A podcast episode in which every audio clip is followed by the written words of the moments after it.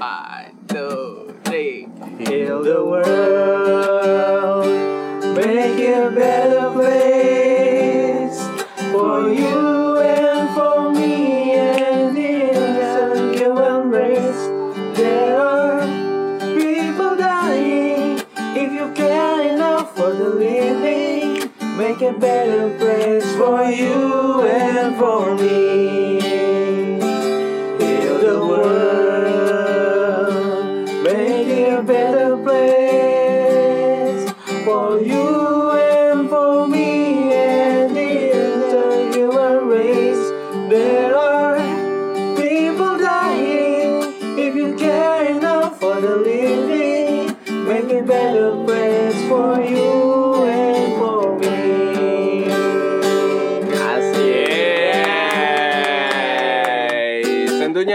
masih ada di podcast yang luar biasa. Kita balik lagi di zona bicara. Yeah. Tepuk tangan atuh lur. Bentar, saya mau interupsi dulu. Ya, Pak. gimana bos? Itu opening Hear the World itu lagunya tuh menyentuh. Oh, oh. Kenapa kalian pada seneng? Gimana empati kalian sebagai anak muda? Saya heran.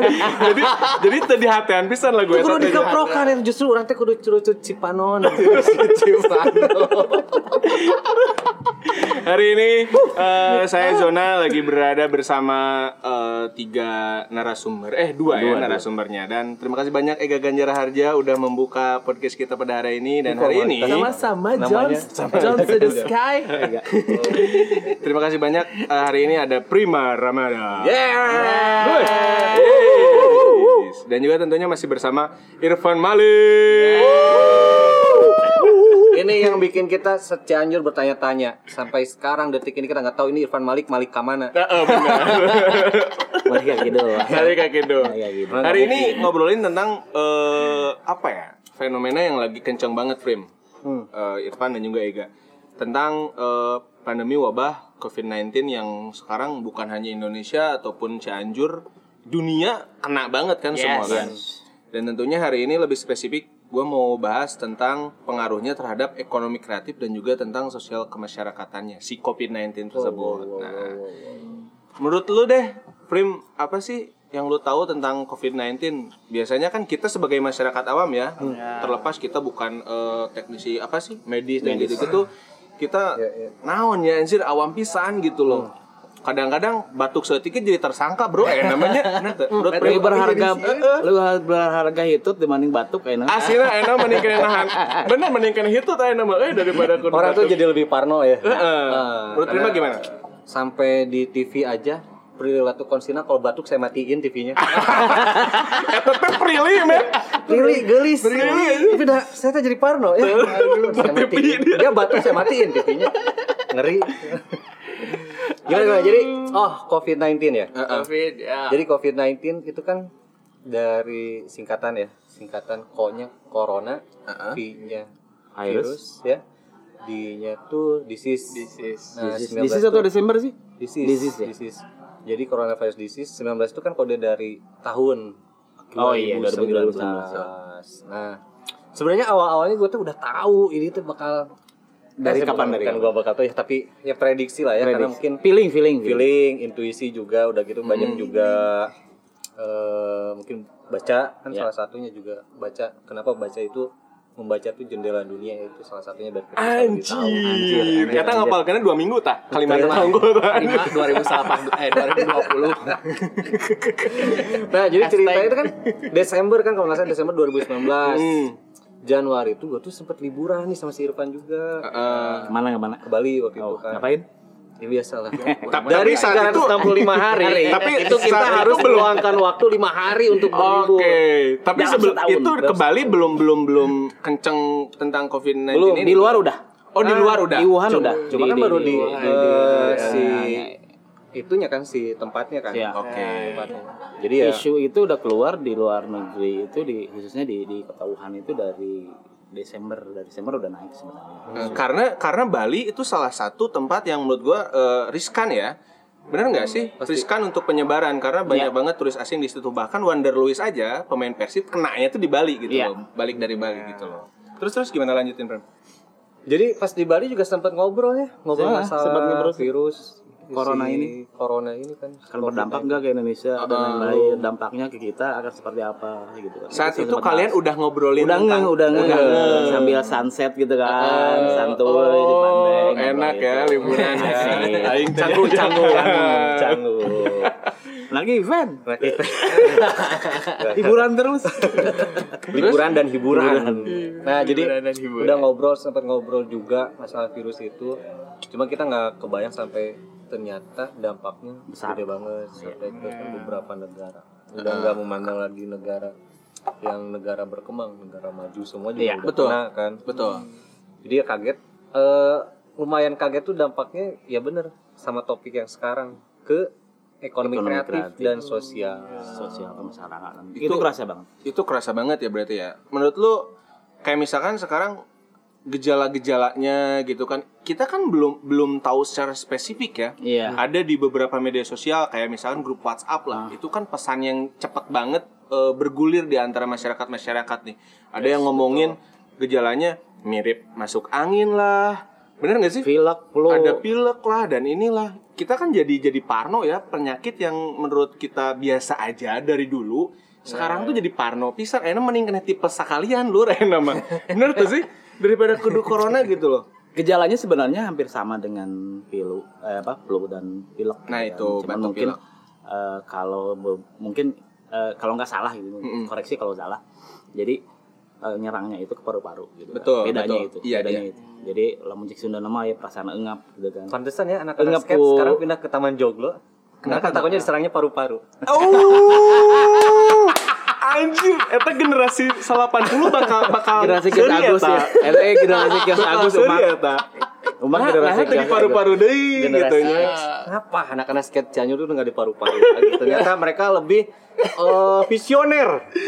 Kak, kurang tanya ke kasih Kang Yan Yan. Kayaknya nabut pindah. Baru-baru Kak. Ya cobain aja tanya aja. Ya. Dan bertanya juga bagian dari silaturahmi. panjang umur, panjang rezeki. Pan menurut Irfan gimana? Ya. Apanya nih? ya tadi gejalanya yang menurut Irfan tahu deh sedikitnya maksudnya gue pengen pengen pengen tanya dulu jadi biar pendengar yang lain juga tahu bahwa kita sebagai masyarakat awam memang pengetahuan tentang gejala COVID-19 tuh sama gitu loh segini doang gitu loh menurut lu gimana yang lu tahu deh Yang gue tahu sebenarnya ya itu yang tadi gue bilang. Jadi lebih kayak flu dan pilek. Terus mungkin demam sama Nah, gitu itu kan. kan. Ada larinya ke pernapasan gitu kan, bedanya itu. Cuman kan secara medikal kita juga belum tahu. Nah, detail itu. kayak gimana. Karena mungkin teman-teman di medis juga masih riset gitu kan. Karena ini kan tergolong baru kan. betul uh, virus yang tergolong baru gitu kan terlepas ini virus biologis atau apa pun itu whatever kita pengen cuman yang kita bahas di hari ini kan sebenarnya lebih ke apa Dampak dampak ke ekonomi kreatif. dampak nah betul betul betul Ega gimana Ga? menurut lu Edan lah anjir COVID-19 bro gitu Iya nggak sih? bersin seetik jadi tersangka eh namanya Saetik jadi tersangka batuk saeutik sieun oh Bener. batukna di apotek oh, Iya, geus. ini karena eh kemari ge orang gering gitunya parna stiris rada parno men gitu loh. Bener gak sih? Karena ketidaktahuan kita tentang gejala spesifiknya si COVID-19 ini harus melakukan tes yang benar-benar ternyata banyak banget eh, Tahapannya. ya, ya. tahapannya Iya. gitu loh. Oke, singkat tentang gejala COVID-19. Sekarang ngomongin tentang geliat ekonomi kreatif di semeh tadi ngomongin kata prima 19 itu adalah kodenya Tahun. tahun tahun virus tersebut mulai eh, menyeruak di dunia ini. Berarti ngomongin juga tentang geliat ekonomi kreatif di semester akhir 2019 deh. Cuma gini gini, eh, mungkin yang harus kita share juga, Hmm? Ya. ini beberapa di antara para pendengar juga apa sih Anjir nyebutnya pendengar atau apa sih nyebutnya Pendengar. Naonnya? Naon guys ya? Ya. Sobat pendengar. bicara. sobat sobat gabut sobat gabut Sobat gabut, Sobat gabut. sobat gabut berbicara, sobat gabut mendengar lah. Jadi cerita dulu nih kan yang dimaksud ekonomi kreatif itu apa? Ya, definisinya benar, apa? benar, benar, Karena mungkin sebagian juga nggak tahu ekonomi kreatifnya apa gitu, Mm. UMKM atau apa. ya Nah jadi ceritanya kalau ekonomi kreatif itu kan eh, awalnya nih, awalnya tuh yang ngebahas atau yang pencetus ide ekonomi kreatif itu ada yang namanya John Hawkins. Anjir. Anjir. Lain anjir. Si iya searching heula tadi. Cek aja anjir bapak. Sesuatu juga harus ada literasinya. Eta, eta, Nah, jadi gini, si John Hawkins ini ya dia itu seorang penulis Inggris, Hmm. pembicara juga. Udah gitu, dia tuh khususnya nih ya, pembicaranya tuh tentang perkembangan sektor ekonomi. Ternyata meskipun si John Hawkins ini orang Inggris, orang England, justru dari awal tuh si John Hawkins tuh lebih ke negara Tiongkok Maksudnya? lebih ngebantu ke negara Oke. Tiongkok. Jadi ceritanya tuh sampai pengembangan si sektor ekonomi Tiongkok tuh yang ngebantu si John, John. Hawkins ini. Ya, makanya mungkin salah satu kenapa ekonomi Tiongkok melesat. Mungkin ada peran juga sih ini nih. Nanti kita bahas tuntas lagi ya. Ah. Nah, lanjut lagi. Si John Hawkins ini ini bukan sembarang orang. Jadi dia juga sebagai seorang dosen tamu di Universitas Lincoln di Inggris. Udah gitu wakil dekan dan juga dia tuh dosen tamu nih. Jadi wakil dekannya di Shanghai School of Creativity. Tuh, Hmm. gokil ya orang Tiongkok teh. Berarti Di- di boga Cina oge berarti. Institut Ekonomi Kreatif berarti nya. tentang ekonomi kreatif itu sebenarnya ada sekolah nah jadi sebenarnya eh, si ekonomi kreatif itu itu kan memadukan dua antara informasi dan kreativitas. Hmm. ya Exactly. jadi dasarnya itu kalau orang yang bisa berkecimpung di ekonomi kreatif tuh orang yang harus punya ide pengetahuan sama sumber daya manusia harus mumpuni ini faktor utamanya tiga itu ide gagasan sama sumber daya manusia. Baru SDM, itu kategorinya ke eh, bisa dibilang fundamentalnya dari ekonomi kreatif. Oke. itu ah krik krik atuh Terus naon? Eta serius pisan. Itu soalnya ada rasa pisan nggak ada ngukeunna nah, iya informasi-informasi Kan di ada beberapa orang juga ngomong ini zamannya ekonomi kreatif. Ya lu teh pas ditanya ekonomi kreatif teh apa? kan, kan harus tahu juga asal ngomong. Nih, bahkan si John Hawkins ini ya sudah mulai fokus mengenai ekonomi kreatif itu di tahun 1997. Awalnya si John Hawkins itu eh nulis buku judulnya tuh The Creative Economy How People Make Money from Idea. Ya, Jadi gimana caranya orang itu nyari duit. cari, cari duitnya, bikin duitnya itu dari, Dari ide. idenya, dari modal ide. Itu tahun 1997 karena udah melakukan riset dulu. Ternyata itu di Amerika ya produk hak hak atas kekayaan intelektual itu Hah? di tahun 1997 itu ternyata nilainya sampai 414 miliar dolar Dolar. itu barang dirupiahkan ekspor ya, nomor Bara? satu wah samiliar kalau dikonversinya kalau itu itu mah udahlah samiliar lah nah jadi sebenarnya itulah ekonomi kreatif itu adalah dimulai dari adanya ide gagasan sumber daya manusia itu baru Betul. masuknya ke ekonomi kreatif gitu terus apa aja sektor-sektornya kan harus tahu juga Banyak. ya. banyak ada kurang lebih sekitar 15 lah kalau nggak salah pertama mulai dari periklanan Iya, itu oke. advertising. Advertising, kemudian arsitektur arsitektur, ada seni juga pertunjukan. betul pasar barang seni Barang seni masuk. masuk dong itu kan ada ide juga desain fashion video Ya. film fotografi, Fotografi. games musik showbiz terus ada penerbitan percetakan ada juga software ya terus Gila. ada televisi radio broadcasting R&D Kuliner juga sekarang Betul, udah mulai kuliner terakhir kuncinya di kuliner itu sektor-sektor di ekonomi kreatif cerita dulu Betul. Gitu, cuy Berarti dari 15 itu bisa bisa dibilang kehajar semua dari COVID ini. Bilang sok Jar ada beberapa memang yang yang mutlak itu kehajar. Heeh. Satunya adalah seni pertunjukan. Perspektif gua ya, Heeh. bagi seorang event organizer. Tapi menurut Irfan Malik 2019 akhir nih kerasa belum saat itu? Belum. Oh belum. Belum. Untuk untuk Dunia untuk event, dunia pertunjukan itu kerasanya itu di awal Maret. di awal Maret. Awal Maret. Berarti semester Setelah- awal tahun 2020. Iya. Jadi ketika isu ini keluar di Desember di negara lain itu enggak belum belum belum berdampak. Padahal kan Van eh, kita tahu lah beberapa mungkin tahu orang-orang event pasti tahu orang-orang ekonomi kreatif pasti tahu. Semester awal di tiap tahun tuh biasanya di Maret lah ya itu kan mulai mulai Februari lah. ngegasnya ya Iya, mulai ngegas. ngegas ngegasnya event gitu loh Untuk brand activation. Iya, Ah. fashion, semua apa pun itu. Tapi kan kalau buat yang di corporate event, wah dari Januari mah dari udah Januari udah udah kencang ya ya? kick off meeting. kalau di corporate event ataupun teman-teman komunitas di community event juga tetap jalan sebenarnya. Betul. Cuman biasanya kalau yang yang sifatnya uh, brand activation itu Hmm. kebanyakan di bulan Februari. Starting udah mulai gitu di catur bulan pertama. Satu bulan Q Satu bulan Q Q Q satu kan. Sebenarnya kalau 2019 itu grafik eh, perputaran eh, dari sisi ekonomi Bukannya di- grafik tuh yang gini ya nanjak-nanjak kalau grafik perputaran mah jadi roda gitu ya. Oh ya, roda perputaran. benar. lain. Tak eta Detail fungsinya ya. pisan eh. Sebenarnya grafiknya udah naik naik banget gitu. 2019 tuh seni pertunjukan sangat-sangat dahsyat. Banyak festival festival bermunculan gitu. 2019 Benar-benar banyak, banyak banget. Wah, Ega aja sampai nolak job berapa. Oh. Termasuk yang lu tonton kan. Lu tonton yang kemarin yang di hang apa? Kusen Sasa Negara Kusen, itu salah satu festival di Bandung besar. Ya.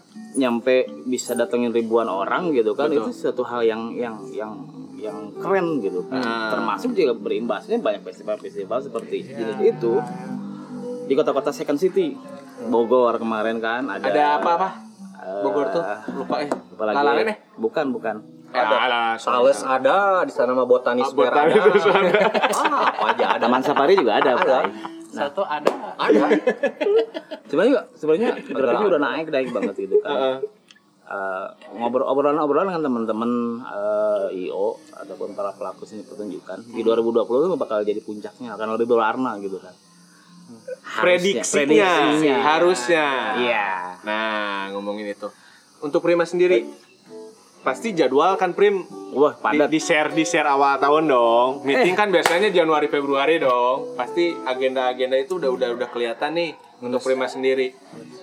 Berapa event atau kerjaan yang di cancel atau eh postpone tar dulu tar dulu tar dulu. Kayak lah aku mah. Di salah satu MC yang paling sering nolak job dari gua. Kenapa pak? Kenapa? Bukan Bapak itu suka dadakan. oh bapak ini memang suka dadakan ya? Dadakan terus. Saya tuh jadi malu kan kalau nah, dadakan. jadwalnya penuh terus gitu kan. Oke. Bem, launching ini tanggal berapa? Aduh berai euy hampura. Nah. Itu, Pak. Oke, di not. Makanya kalau event yang weekday kayaknya bisa gitu. Weekday. Kalau weekend mah udah penuh. Jangan lupa jangan. Keren. Nggak, ini cerita dulu. Heeh. Jadi gini gini, ada ekonomi kreatif kan ada yang tahu nggak dari kapan tuh mulai dicanangkan ekonomi kreatif Indonesia deh? Jadi Oh. kalau yang tahu gua, seinget seinget gua ya, Mm-mm. itu zaman zamannya terakhir eh, PSBY menjabat. SB Waktu menjabat. itu masih Betul. Masuk ke dalam Kementerian Pariwisata. Zamannya Ibu Maria eh, Kapangestu dah kalau nggak salah. Ah. Jadi udah ada ya sebenarnya badan ek- apa ekonomi kreatif dimasukkan ke dalam Kementerian eh, Pariwisata gitu. Hmm. memang pertumbuhannya itu sangat signifikan gitu. Signifikan pertumbuhannya signifikan akhirnya eh, presiden yang sekarang di periode pertama itu mencoba untuk dibikin isu awal kan sebenarnya akan dibikin kementerian terpisah gitu kan. Tapi Asalnya. aktualnya ternyata eh, dibikin badan ekonomi kreatif. Dan sampai saat ini mereka menjadi apa ya badan yang memang fokus di pengembangan industri kreatif gitu kan salah satunya yang yang pernah ngerasain kerja bareng dengan Backcraft kan salah satunya MC ini gitu kan nyampe roadshow dong gila. amin, amin. nah impact impactnya besar gitu kan. Karena memang berbicara di ekonomi kreatif berbicara banyak orang banyak stakeholder yang terlibat banget gitu kan salah satunya Prima salah, termasuk juga kita Heeh, heeh, kita sih ini eh, teman-teman ekonomi kreatif yang yang survive yang terus istiqomah heeh. berjalan di bidang ekonomi kreatif Berarti in- industri kreatif ini kalau lu tadi bilang menjanjikan berarti bisa jadi salah satu apa ya? Eh disebutnya apa sih Prim? Mata pencaharian. ya Hmm. bisa Benar nggak sih kalau dulu kan zaman kita kalau yang tadi kata Irfan itu zamannya PSBY nih, Ya. mulai dieratkan di iniin. diseriuskan Heeh, kalau dulu kan cita-cita jadi polisi, jadi tentara, jadi dokter. Kalau sekarang mungkin anak-anak zaman sekarang lebih beragam. Pengen jadi sutradara, Jadi youtuber, salah satunya Nah, juga jadi youtuber dan lain Yang baru dong. Apa? tiktokers Ah, bener tuh sih. Konten kreator, Bener, konten kreator. Bahkan ternyata kalau kita eh, detail menilik lagi konten kreator, pendapatannya luar biasa loh. Iya. Jadi maksud gua industri ekonomi kreatif ini menjanjikan banget. sangat dari Sangat, cerita nih sangat. nyambung sama yang tadi ini ternyata perkembangan ekonomi kreatif tuh dimulainya kan awalnya betul Pak SBY Pada tuh, zaman Pak SBY. tahun 2006 sampai Pak SBY itu sampai menginstruksikan pembentukan Indonesia dengan power Departemen Perdagangan. Ya. Nah, 2007 itu mulai ada studi pemetaan eh studi pemetaan kontribusi Pemetaan, ya. kontribusi industri kreatif Indonesia itu cikal bakalnya tuh waktu itu ada yang namanya di Trade Expo Indonesia Ya. 2007 2008 itu Pak SBY udah mulai launching blueprint. Blueprint tentang pengembangan ekonomi kreatif Indonesia sampai tahun 2025 2025. blueprintnya tuh karena kenapa? Karena ternyata di ekonomi kreatif itu itu sampai eh, dimasukkan ke rencana pembangunan jangka panjang nasional. Sasarannya apa? Ternyata pertumbuhan dari PDB pendapatan domestik bruto ya secara nasional itu gokil nilainya. Starting kita udah berawal dari berapa persen ya? Zaman dulu waktu masih di kementerian bareng sama itu sampai sekarang? Gimana? PDB-nya dari ekonomi kreatif? 2000 nih ada data. 2015 itu sampai 852 triliun. Wow. 2015 2016 itu 894,6 triliun itu yang tercatat. betul 2017 itu 990,4 triliun itu data tiga tahun yang lalu dan ini ngebuka lapangan kerja itu luar biasa sampai terakhir 2017 itu sampai membuka lapangan pekerjaan hingga 16,4 juta, Juta. lapangan kerja Beda. gila ya ekonomi Berarti kreatif tuh ekonomi kreatif nger- ngeri ya, maksudnya Ngeri. Ngeri. Makanya kan- banget gitu. Makanya sekarang kan sampai eh, pemerintah yang sekarang udah bikin kan yang namanya eh, Kementerian Pariwisata, Ekonomi Kreatif dan dipimpin sama Pak Wisnu Tama. Eh enggak enggak enggak. Eh, eh, eh, enggak. Kalau yang sekarang itu badan, badan ekonomi kreatif. Enggak Kan masuk ada badannya. kementerian. Backcraft tuh kan kalau nggak salah tuh Backcraft itu, Backcraft itu di bawah langsung Presiden Jokowi. betul Presiden betul, ya. betul betul betul. Kalau zaman PSBY, Hmm. eh, ekonomi kreatif itu dimasukkan ke kepariwisata, kepariwisataan. Oh, bukan sekarang teh Kemen Parekraf ya? Kan Kemen Parekraf kan sekarang Pak Wisnu Tama. Yang Backcraftnya, Mm-mm. kepalanya Pak Triawan Munaf. Tidak menurut, bukannya udah ganti sama Wah, ini Ah, nah, datanya iya, resep gitu. kurang Iya. ya. Resep ya. Buk buk buk buk Bukan, sengaja. Jadi memang luar biasa si potensinya tuh eh, sangat-sangat di bisa diandalkan. Iya. Gitu. Dibanding ekspor juga nilainya kan lumayan gede. Bukan udah gitu ngebuka lapangan kerjanya edan. Betul betul. Makanya kalau sekarang kena impactnya ya sedih lah. Tapi kalau ngomongin tadi eh, industri kreatif ada ada peran dari luar gak sih? Prim, kan maksudnya apakah dari negara luar misalkan? Oh pasti. pasti pasti. pasti. Contoh kecil, contoh yang terdekat aja sebenarnya dunia perfilman. Oke. Barometernya ke mana? Dari mana? Oh iya ya. Yang balanya dari Hollywood atau nggak Bollywood? Betul, Nah, betul, betul. sama halnya gitu kan. Dunia fashion juga kita Mm, barometernya tetap masih ke betul dan juga kita ngambil talent dari luar gitu kan. Nah, industri kreatif semester akhir 2019 belum kerasa. Semester awal 2020 mulai kerasa. Kata Irfan tadi di Maret. Maret. Maret ya. Awal. ya Yang Prima rasain deh. Kumaha Prim. Wah ngenes. Ngenes. Ngenes. Ngenes ngenes. Ngenes itu gini. Eh ya pastilah kerjaan no, pending, Ya, pending semua. semua. Pospon lah ya, pospon sampai batas waktu yang tidak ditentukan. Nah, eta. di cancel mah mudah-mudahan sih enggak ya, tapi kan Iya. kebanyakan dipospon. Heeh. Eh banyak tanda tangan adendum akhirnya. ya ya kayak gitulah. Cuma ini juga kan jadinya kalau teman-teman di dunia ekonomi kreatif eh, ngeh jadi penting banget kalau kita itu punya tabungan Betul. Oke. Saving money. karena kebanyakan teman-teman di yang di ekonomi kreatif ya kadang lupa Banyakin tabungan daripada cicilan. hmm kebanyakan ke gengsi karena nunjukin nih gua anak muda Iya. gua punya usaha gua termasuk sukses suksesnya di Hmm. diartikan Iya. eh, punya harta gitu Padahal sebenarnya mah harusnya nggak seperti itu. enggak lah. Maksudnya ya boleh lah ya ada ada harta lu misalkan invest boleh. di rumah tanah mungkin itu tapi- bagian dari personal branding boleh. Tapi yang diutamakan tuh kan bukan hanya masalah penampilan tapi aset. Nah kadang anak muda zaman sekarang tuh mereka lebih mementingkan penampilan dibanding aset. Mm. coba aja dicek umur 25 pasti udah pada punya mobil. Ya. Tapi rumah masih bareng sama orang tua Nah, Garasi itu boga. Garasi teboga kan riwe Nggak, nah, balik lagi ke yang tadi sebenarnya.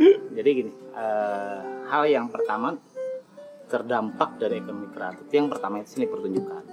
Oke, yang pertama Yang pertama kena dampak itu seni pertunjukan. kenapa Pan seni pertunjukan yang paling Ya karena akhirnya dampak dari covid itu akhirnya keluar kebijakan gitu.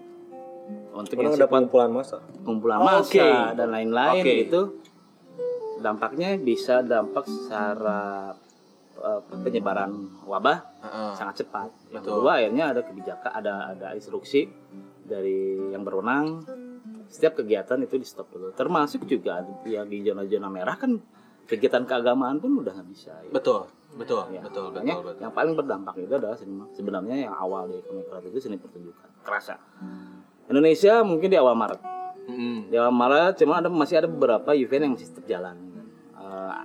Kalau nggak salah sampai minggu ketiga ya minggu kedua. Eh, sorry, Dua, kalau wedding, wedding 19, dua-dua. Dua tiga, dua-dua terakhir wedding. iya Wedding itu dua-dua rata-rata. Ya. Nah, kalau Dua, event mulai keluar. Kalau event itu dari tanggal 15 sudah. tuh 15 Oh, 15 sudah Udah udah mulai. udah udah, Oh, udah mulai 15, pospon pospon termasuk. Saya dapat kabar dari klien itu ada eh, Maret dua event yang pending Heeh. sampai waktu di memungkinkan. Heeh.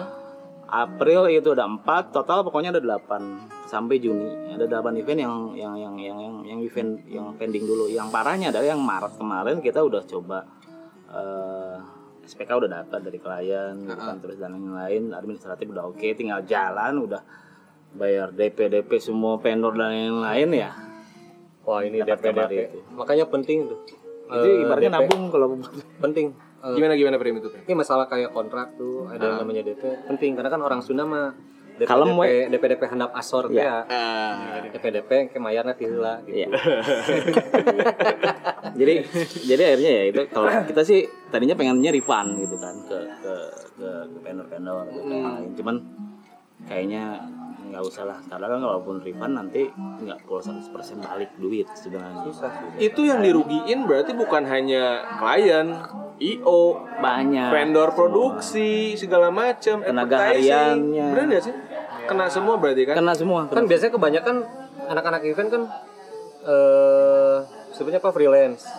Mereka bukan orang yang punya eh, penghasilan, Penghasilan tetap, tapi mereka itu orang yang tetap berpenghasilan. iya Oke. Eh, jadi imbasnya yang kasihan tuh yang teman-teman freelance. Freelance. Sudah gitu yang buruhnya tuh mungkin dapat fee-nya tuh ketika memang lagi ada event. Contoh kayak orang-orang yang bongkaran. bongkaran Rigging, panggung ya, Iya, iya, iya. Kalau mata pencahariannya tuh fokusnya di situ ya pasti wah nangis darah-darah tuh Kena ya. Kena darah-darah. banget ya. Gua mah enggaknya dari bulan Januari untungnya tuh nabung. Dari Januari Iya. Februari Maret tuh nabung gua mah. Tapi Prim, ngomongin tadi kata Prima kan ada beberapa event eh, jenis event yang memang dari Januari dia udah udah mulai start nih. Ada Oh, yang ada dari Maret. Untuk Prima sendiri Januari udah jalan belum? Udah jalan, jalan. Udah jalan. Jalan bahkan hampir di weekday itu hampir penuh. Oke. BUMN, Ah. kick off meeting, rapat koordinasi, Betul. dan lain-lain. pending Pending, gimana lagi? Dan eventnya bukan hanya event swasta, maksudnya produk swasta juga yang di event Semua, pemerintahan pun semua kena semuanya. termasuk juga pensi Semua. Nah, di Cianjur itu pensi itu biasanya dari starting dari mulai Februari, Betul. Januari sorry. Biasanya di akhir Januari sampai ke April. Ah. Pensi-pensi itu termasuk banyak pensi-pensi di SMA-SMA Cianjur tuh udah sekarang belum termasuk klien pensi aja pun akhirnya belum ada jawaban nih. Yang mana Semanda? April Gue tuh disuruh nyari talent, ada nggak masuk budgetnya. Aduh. Tenang, Bang. Teman-teman ngomongin Ternyata guru tentang teh, gurunya teh salah satu gurunya tuh tetangga gua seangkatan gitu teh. Ya, si itu orang mau. Ris, Ris- eh Rizka, Rizka, Rizka. Nanya-nanya ke aku teh, wah berapa talent. Tapi Banyak. ke- Ini pensi. Manda, Semansa, Mm. Smakji, betul. terus beberapa udah udah nyelenggarain. Betul. Nah, nanti kita bakal bahas lagi tentang detailingnya, aspek ekonomi kreatif apa aja yang kena dampak dari pandemi wabah COVID-19 ini. Kita masih di sini di zona bicara masih barengan Prima dan juga Irfan Malik. And tentunya kita bakal ketemu lagi di sesi kedua di zona bicara. Feel the world. Kudu sedih aja lu kata. One, two, three. Entah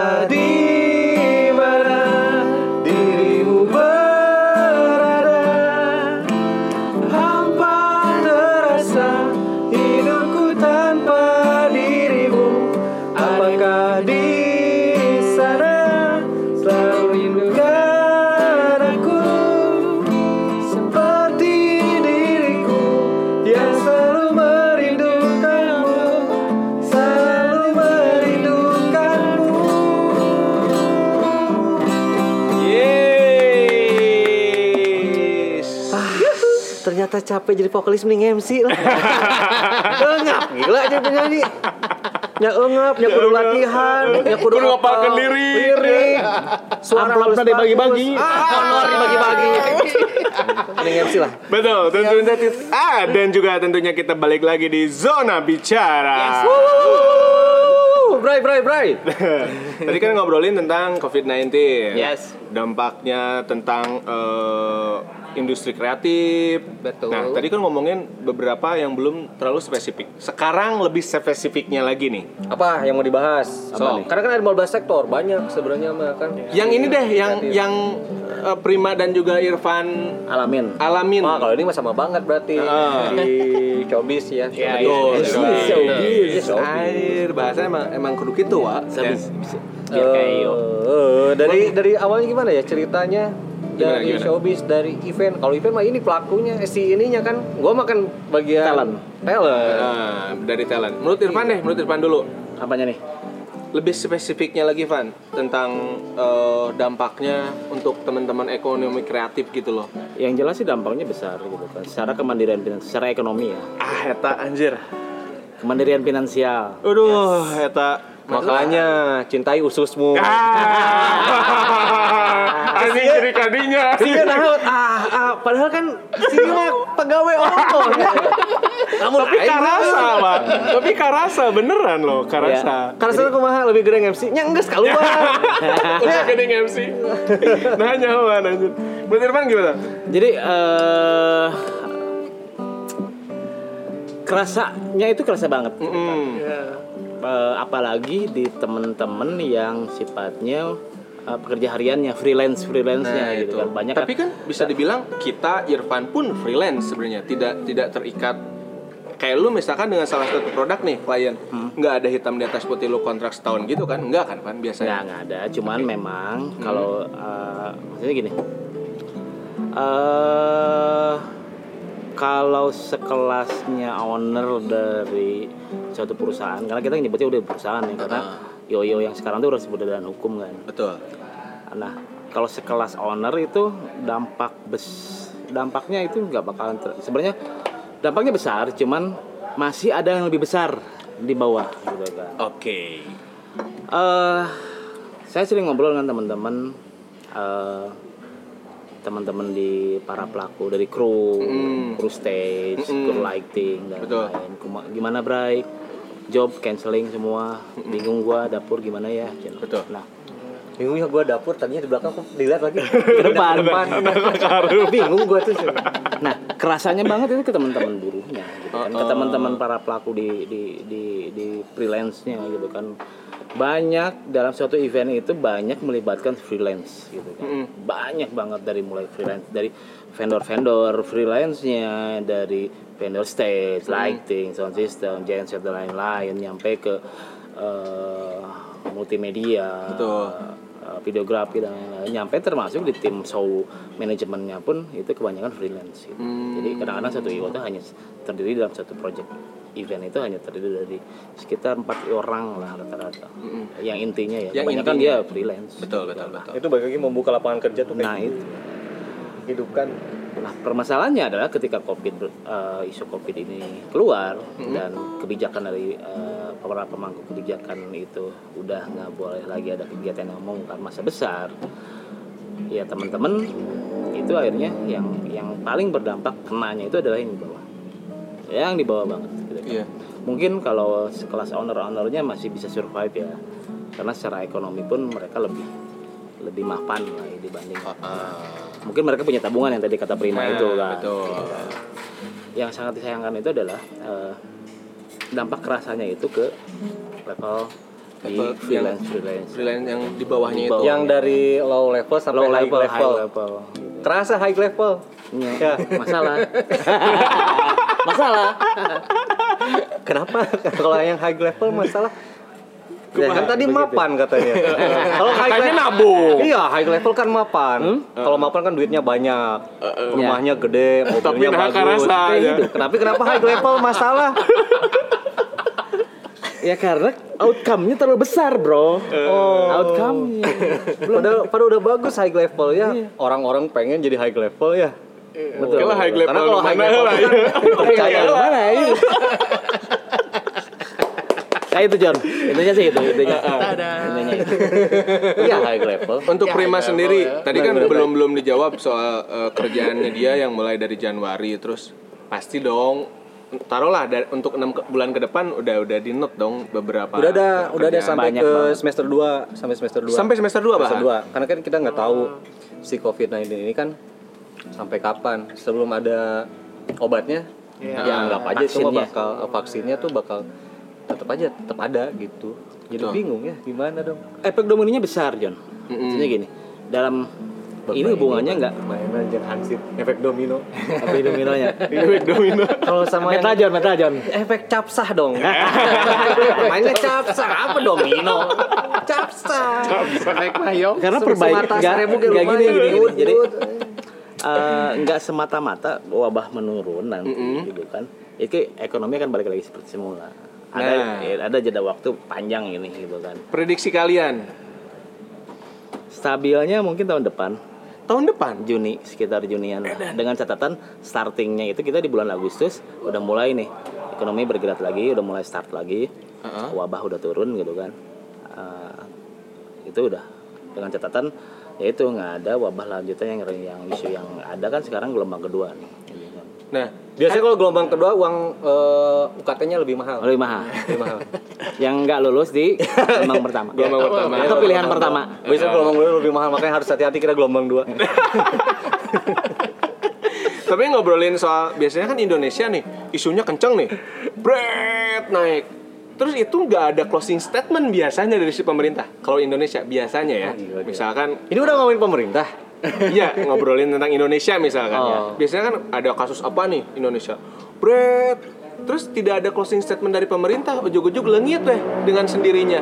Oh enggak. Prediksi ada. kalian Enggak nih mungkin, tentang COVID-19 ini gimana Indonesia? Enggak, pasti harus ada statement lah. Pasti harus ada maksudnya gini, ada beberapa kasus yang permasalahan yang itu harus di blow up, ada yang enggak sebenarnya. Nah. Gitu kan. Kita berpikirnya dari dua mata sisi ya. Ah, Mungkin pemerintah pun ada ada ada pertimbangan ini kayaknya perlu dipublish atau enggak gitu kan. Ada gitu. Mungkin cuman kalau untuk Covid kayaknya perlu. Untuk COVID kayaknya perlu. Perlu maksudnya ya so far sekarang juga pusat informasi Covid udah mulai bagus ya. Ada ada ada kanal-kanal yang sifatnya kita bisa akses sendiri gitu. Betul. kan. Dan ada setiap harinya ada update terbaru Nah, itu. gitu kan. Nah, mungkin Tapi aku nyobain covid19.cianjur.co.id nggak bisa dibuka. Kenapa itu, Prim? Udah dua minggu. Oh ya, Iya, waktu minggu kedua kalau oh, nggak salah. deh. servernya kayaknya. Nanti, Error nanti saya mungkin. coba telepon teman saya. Nah, tolong tolong Web itunya sebagai ya. masyarakat yang taat bayar pajak. Nah, ini kadang kenapa orang tuh ya eh mohon maaf ya, tapi kita ada beberapa orang yang punya jiwanya memang sebagai kritikus ya sebagai kritik di saat seperti ini kan nggak nggak apa-apa kritik kan kritik yang penting kritiknya membangun contoh misalnya kenapa sih pemerintah nggak terbuka aja masalah data dan Nah, Iya, iya. eh itu maksudnya yang disayangkan tuh kalau terbuka kan dari awal sebaiknya kan kita bisa mencegah Betul. ya Kenapa harus ditutup-tutupin menurut Prima? ini nggak tahu ditutupin atau enggak juga Ya, kan juga. kita belum pasti gitu kan. Makanya cuma- kalau saya sih lihat banyak eh, ini.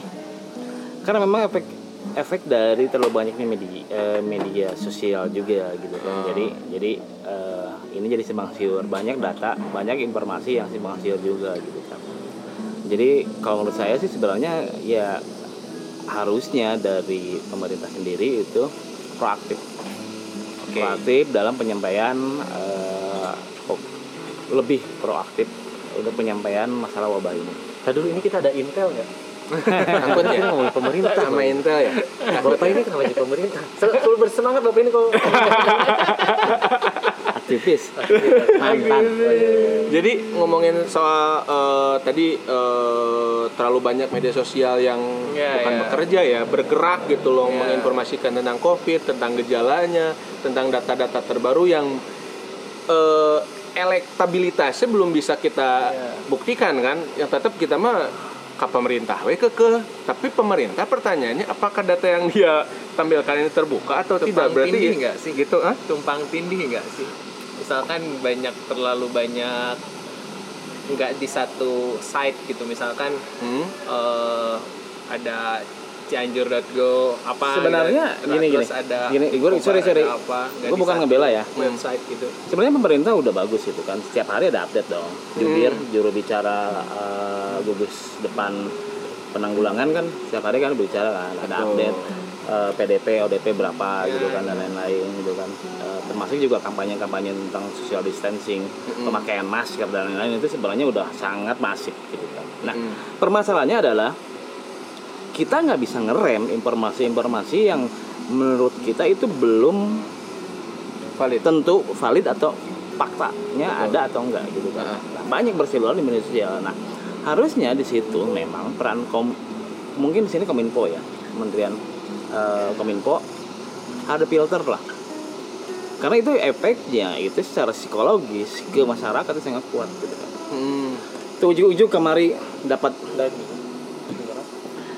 nggak ujuk-ujuknya ada kemarin ada yang ada hoax perihal shutdown tiga hari kan? Nah, cuma kayak Sabtu gitu. Minggu. ya kayak gitu yang itu harus harus harus diantisipasi. Termasuk juga banyak banyak broadcast broadcast di grup apalagi grup keluarga ya. Eh, asli hayang Pon. ngomong hayang ngomongan. Kolot Eh.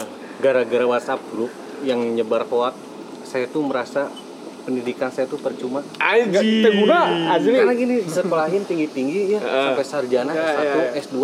Tapi kolot orang percaya kan hoax. Di kerjaan ada hashtagnya ada kolot kumaha. Bener, bener, bener. teh, "Eh, Bener, kalau bener. Sekolah berluhurnya. Bener bener lagi bener lagi. nah itu itu itu yang maksudnya ya harusnya eh, sebenarnya sistemnya udah bagus dari mulai eh, informasi gitu kan dari adanya juru bicara yang terus diupdate Betul. Tinggal sedikit mungkin kalau kritik dari saya mah lebih ke apa ya eh, jangan menciptakan sesuatu yang keruh gitu. Kan Ah, kadang-kadang ada beberapa ada beberapa statement yang aduh kayaknya ini nggak pantas dari seorang juru bicara hal kayak gitu itu eh, pernyataan anu arada antik meren Iya. ya. Mungkin salah ya, mungkin eh, miss lah. Dan itu dibilang sebenarnya ya. Bukan salah, kurang tepat. Kurang kurang tepat. tepat. Anjing. Kalau ngomong ke pemerintah tuh lebih Bener. Oh bener bahayanya Aya intel di ya. Bisi di mandi lampu ke Sapeting bahaya kalian kalian belum pernah ngerasain rumah ada intel ya Poek juga imah kosong Sapeting eta nggak kurang dicampaka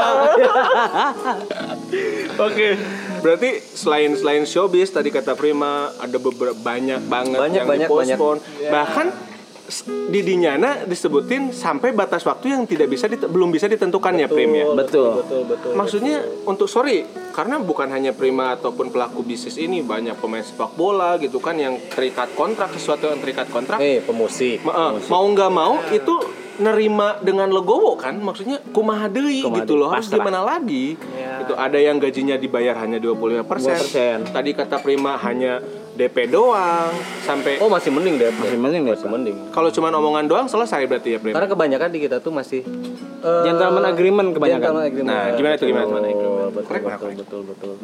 ah, Ada salah satu sisi, ini mau ngomongin juga ke masalah ini ya berarti ya jadi ngelebar ke mana-mana. Salah satunya tuh kalau di dunia showbiz nih masih atau eh, talent tuh kadang masih gentleman agreement. ya gentleman dia belum Gampang, 10 kosong, Bro. Kosong.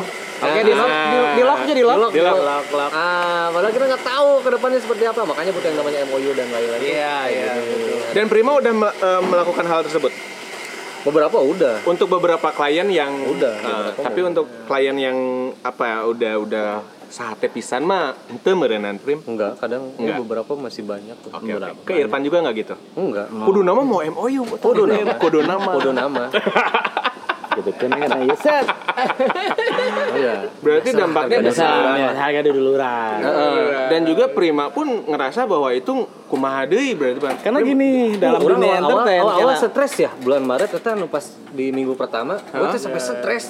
Wah gila ini banyak yang di cancel. Ternyata minggu ketiga minggu keempat teman-teman juga pada di cancel. Akhirnya saya nggak ikut stres karena semuanya juga nggak punya duit semuanya.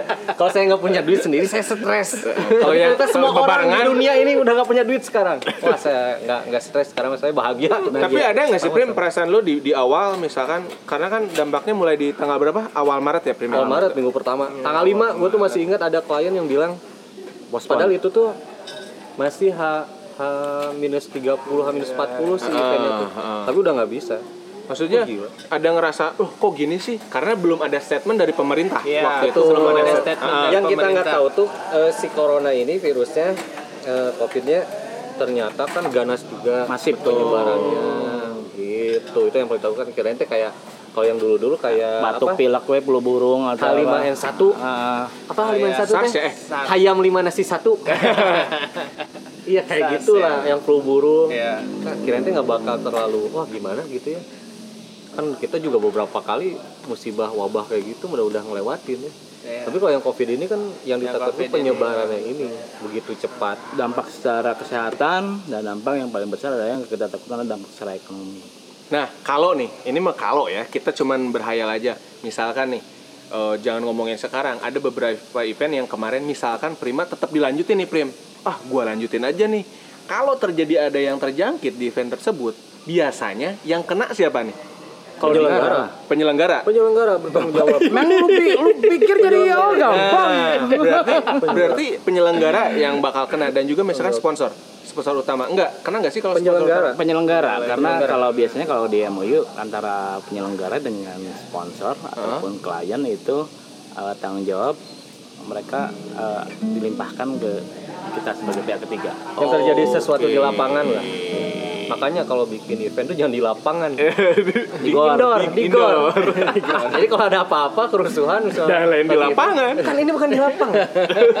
Sesuatu yang tidak terjadi di lapangan. Ini di gor loh.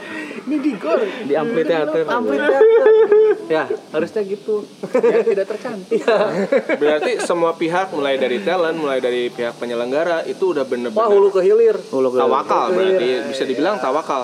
Pasrah kan Ini kalau cerita hulu ke hilir, Nih, mulai dari coba. si pihak sponsor. Sponsor Ah. kan kenapa ada yang namanya event? Event itu kan sebagai tools untuk media promosi. Promosi. Hmm, Betul. Sebuah brand.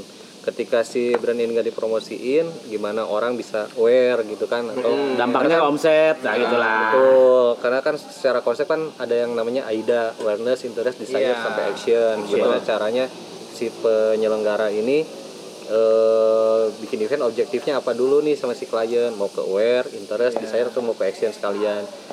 Nah, kalau nggak ada event, salah satu toolsnya itu kan jadi mati juga, Iya nggak sih? betul, Ada biaya yang tidak keluar, mungkin produk juga orang jadi nggak nge, pembeli juga turun, Iya. eh, pabrik nggak jalan, eh, produksi dikurangin, ada eh, dirumahkan, Hmm. udah gitu kan jadi daya beli masyarakat juga Menurun. turun. Jadi ini hulu ke hilir, Banyak nggak ya? Siapa sih yang kena dampaknya? kreatif semua. tapi ada sih Ada beberapa. temen sih temen gue tuh yang di Bandung itu mah dia mah visioner. Jadi dari bulan Januari dia udah nyiapin yang alat untuk gun thermal, Ya. gun thermal, dan termasuk apa sih gun thermal yang suhu. suhu. oh suhu yang infrared itu ya infrared. suhu ruangan sebenarnya itu fungsinya. Dia teh udah baca kan hobi baca, tahu ini bakal ada wabah. Heeh. Dia mah dijadiin peluang kayak gitu. Nyetok 300 gun thermal. Kalau nggak salah 700 ribu lah, anggap 700 ribu atau 500 ribu lah yang paling gampang 500 ribu. Dia jual 3 juta laku. Heeh, karena memang barang itu sekarang sulit banget untuk Besok aja tuh didapat cuannya berapa 3 juta dikali 300 piece Heeh. 900 juta nggak geber atuh tinggal beli di ya vendor itulah kan intinya. intinya kan itu. Bedanya ekonomi kreatif itu adalah ide. Iya. Ide.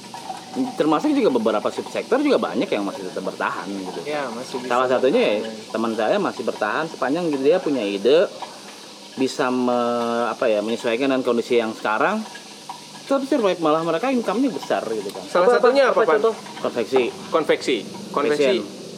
Fashion. fashion konveksi yang dia beralih beralih menjadi Bikin penyedia masker. vendor masker Dan Masker. juga APD. APD. Ternyata APD. ada ya yang bikin ada yang APD. teman-teman saya yang di vendor di vendor di vendor produksi event dia beralih dia bikin eh, apa? Bilik eh, dis- disinfektan. Itu sangat berhasil Oh, iya, iya, itu, iya, itu, iya, itu yang konveksi biasanya butuh MC nggak? Kalau mau mulai gitu kita MC-in aja dulu lah.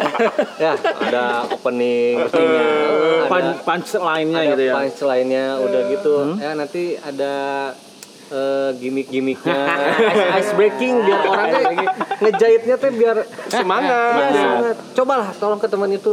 Siapa tahu butuh MC untuk dikonveksi lah. Tanyain dulu. Bang Yos gimana Bang Yos Jual dadak tuh iya mah.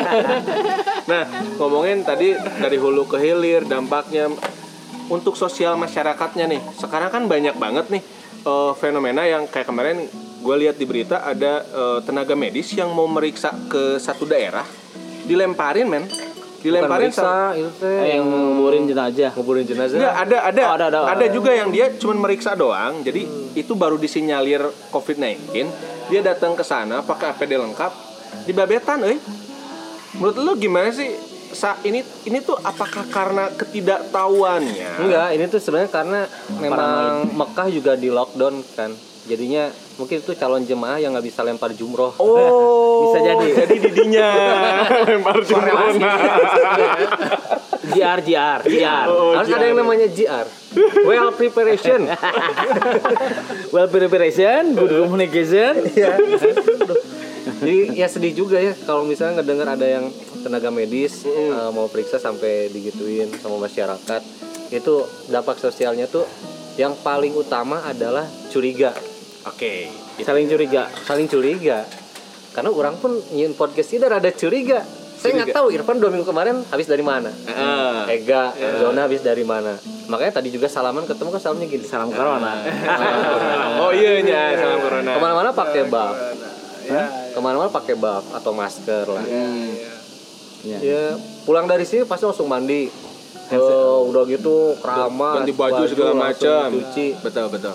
Jadi secara dampak sosial mah pasti orang jadi lebih menaruh curiga. Iya. menaruh curiga dan karena ketidaktahuan maksudnya karena ada beberapa korban juga kemarin terakhir di eh, Cijati ya Cijati itu kasusnya gini jadi dia tuh Jadi ngelahirin kita mana sih? Cianjur Selatan Tanjung Selatan bro Itu daerah mana? kamu pernah event Cianjur Iya Selatan apa? Tapi Nah. daerah mana? Kan Kadu ayah Pandak, Kadu Pandak. Ah, Kadu Pandak. Apa? Kadu. Pandak.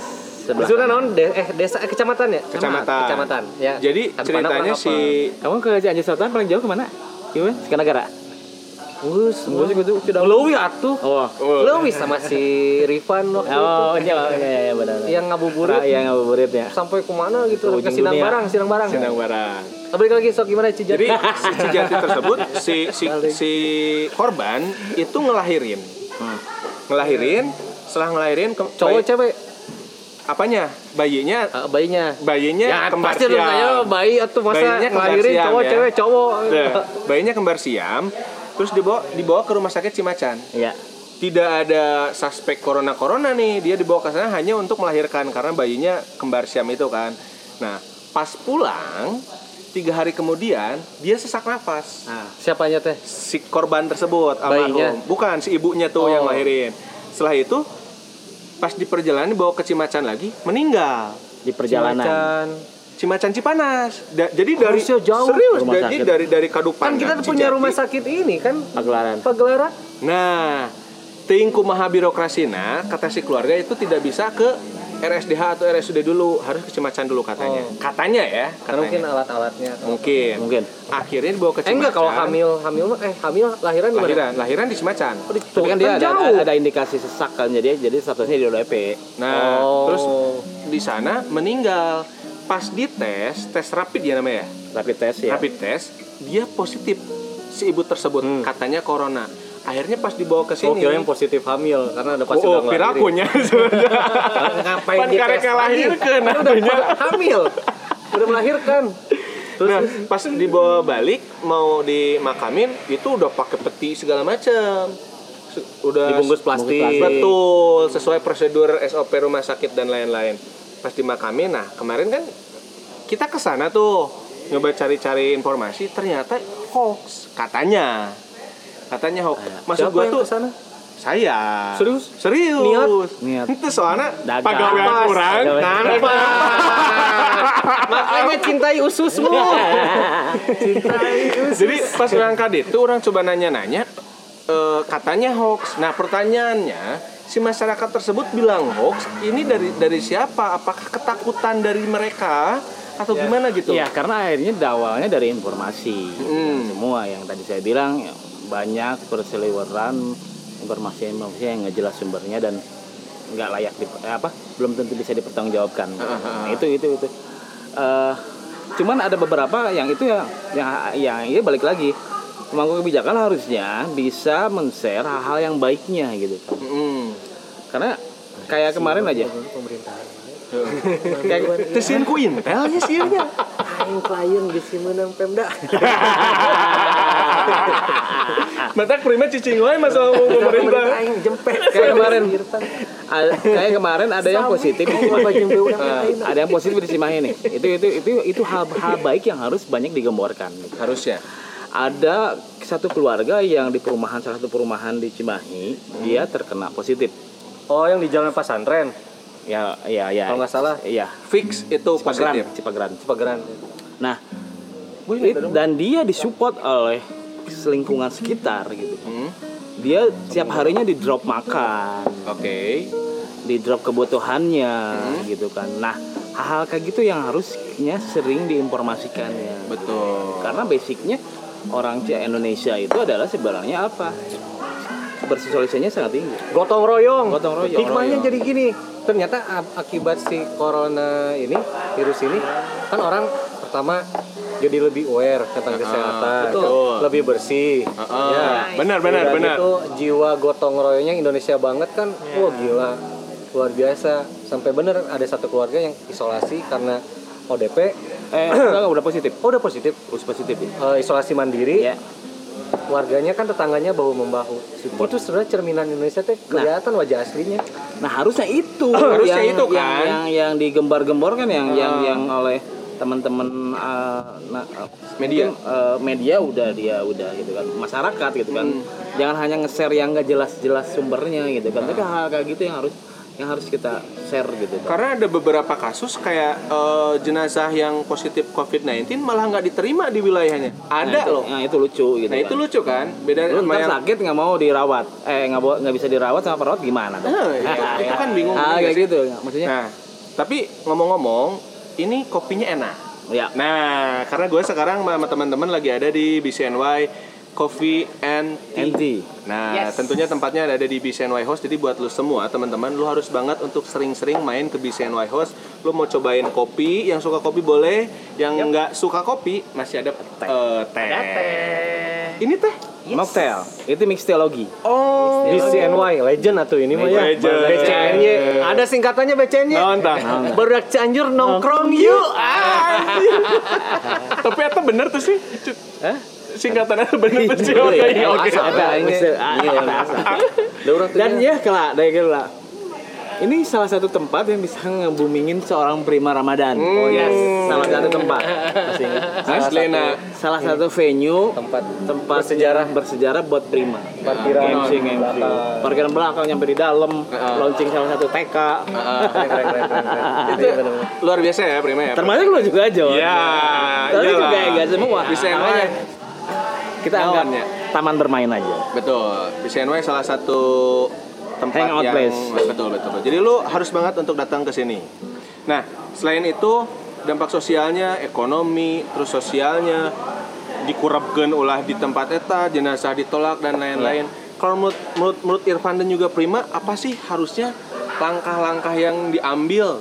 Misalkan bisa nggak sih seorang eh, pemerintah, seorang lobaannya pemerintah, maksudnya pemerintah ngomong secara spesifik bahwa ini loh gejala-gejalanya ABCD. Setelah dapat gejala ini lu harus datang ke sini, ke sini, ke sini. Dan sebenarnya gini, itu teh pemerintah itu semua udah bawel, udah, secara eh, mengingatkan mah udah udah bagus, udah bagus banget.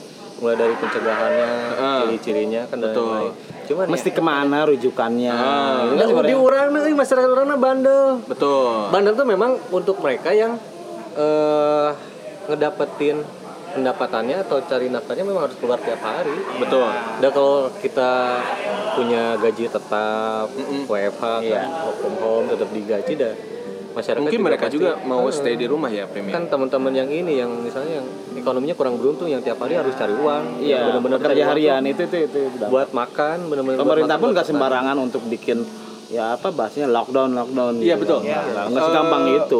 Pak Jokowi pun ngomong itu kayaknya nggak mungkin dilakukan untuk di Indonesia. Tapi ini ada ada sebesit ide sih dari gua maksudnya mampu nggak sih pemerintah Indonesia misalkan nih tes massal tes massal sampai ke pelosok-pelosok desa kita misalkan nih taruhlah per kecamatan dikasih beberapa alat tes terus saat itu dilakukan warga situ tes massal mampu gak sih kayak gitu? Maksudnya jadi yang positif udah jelas nih. Oh positif langsung aja diambil. Isolasi isolasi isolasi. Kan udah Itu gimana? dilakuin udah dilakuin. sebenarnya cuman belum belum belum terlalu efektif karena memang alat itu juga sebenarnya mahal juga. Betul. Akhirnya balik lagi ke kita kekuatan kita nyampe semana gitu. Heeh. yang paling penting sih sebenarnya adalah pencegahannya gitu kan. Yang paling penting itu sama ke- eh, informasi yang jelas gitu kan terhadap eh, wabah ini gitu informasi yang jelas mesti ke mana pencegahannya apa gitu kan. Terus budayakan juga mulai hidup sehat gitu kan. Betul. Dan Itu ternyata penting gitu.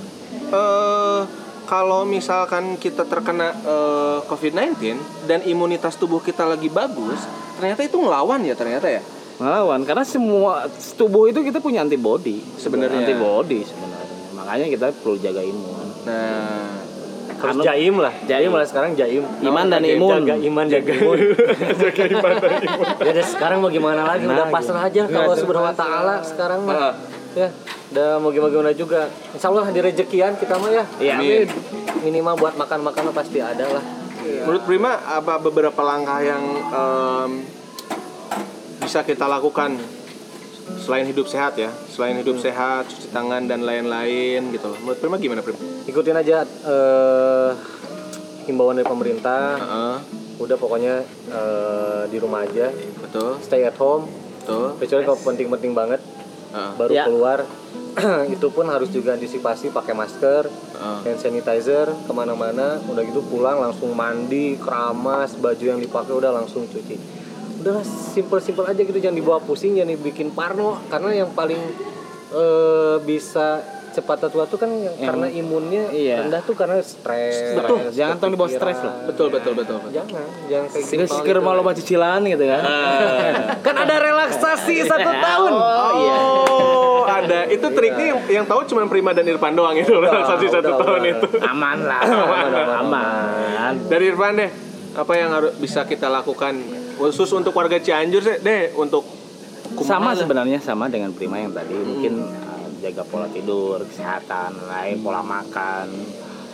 Ya kalau yang sekarang dulu- wayana pola bertahan lah sekarang. Ya Oh, pola bu. bertahan Bertahan. bertahan hidup. Eh, lima tilu dua ima ya formasinya ya pola bertahan mah. Terus juga yang paling penting adalah tetap uh, pikiran itu juga mesti positif. Hmm. kalau kita nyerapnya negatif ya udah ya itu udah balik balik lagi jadi stres gitu kan. Imun jadi jadi nurun. Oke.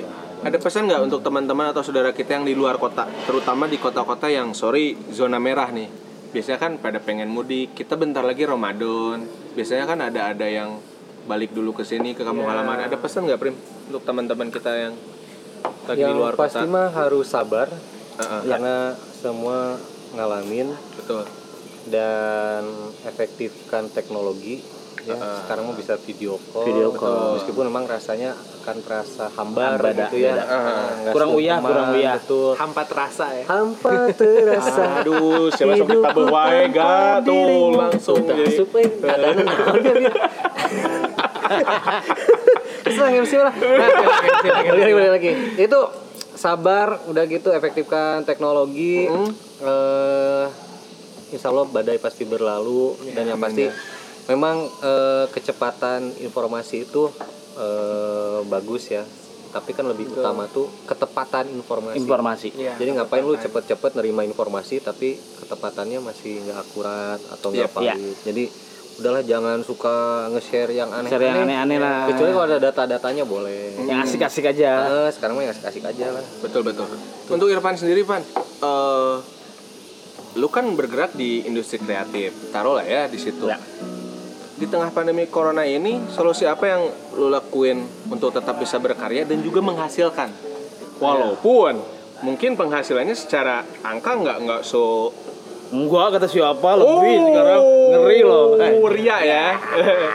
Jumawa Gimana, gimana? Jumawa ganti gini Eh, mungkin oke kita kan ya itu balik lagi kita itu udah ide. Ah. ide peluang gagasan itu.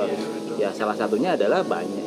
Kita coba kalau misalkan di dunia showbiz lagi stuck nih lagi mati sekarang coba beralih ke yang lain. Banyak gitu. sekarang mah udah berbasis digital. Digital. Karena gini sekarang kan marketnya potensial market kemudian marketnya juga sekarang udah pada di rumah. Ya. Iya. terus hal apa yang bisa ngejangkau eh, orang buat di rumah ya pasti yang namanya teknologi pasti yang namanya Betul. internet.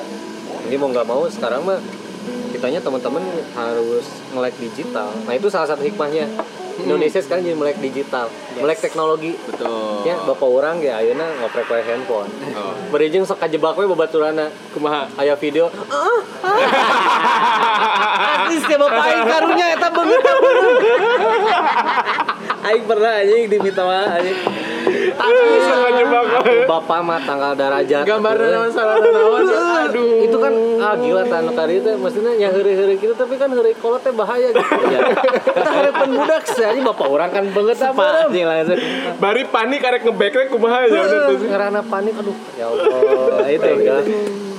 Itu John. Yang penting sih ya coba explore lagi. Hmm. peluang-peluang cari peluang-peluang apa lagi nih. Ya. Nah, untuk cari ya suap dua nasi sehingga berlian gitu kan. Banyak kok. Kita dikasih akal kok bisa gitu. Ah, jangan banyak ngeluh aja. Itu betul karena betul, ini betul, ujian. betul. Ah. Jadi untuk semua lagi semua bukan untuk lagi. beberapa aspek doang. Pikirin produknya digital aja sekarang mah Ya. basisnya pikirin aja. Ya contohnya ya contohnya istri. Kebetulan saya sekarang itu bantu istri. Ah. jadi buat dia punya usaha snack yang berbasis online gitu. Oke. jadi mau nggak mau akhirnya sekarang saya lebih banyak beralih ke bantuin istri. Di dari segi purchasing lah pembelian bahan baku dan lain-lain.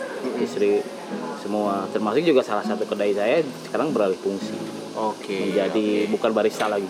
Naon packing oh packing ciki oh iya benar-benar tapi kan Nah, masih kayak tetap buka kan? Daripada saya harus merumahkan mereka betul. aduh beban mental kasihan Bray. kasihan ya kasihan jangan ya. jangan sampai jangan sampai kita coba pertahanin kapal karam kapal kara- kapal ini jangan sampai karam. Betul betul. Amin, amin. karam karam bareng gitu, gitu. jangan sampai jangan sampai. Si dari gitunya namun karam karam babarengan mung mung mung sorangan. Nih Terus tiga orang orang kan awalnya stres speknya sadurnya atau boga duit. Ya bagus tapi.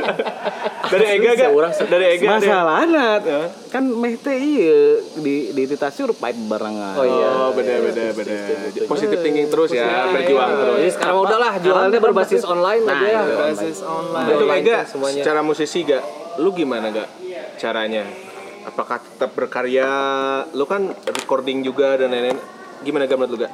berkarya sih karena maksudnya kan masih kalau untuk untuk di bidang musik ya musik tuh kan banyak tuh Heeh. cabangnya tuh Heeh.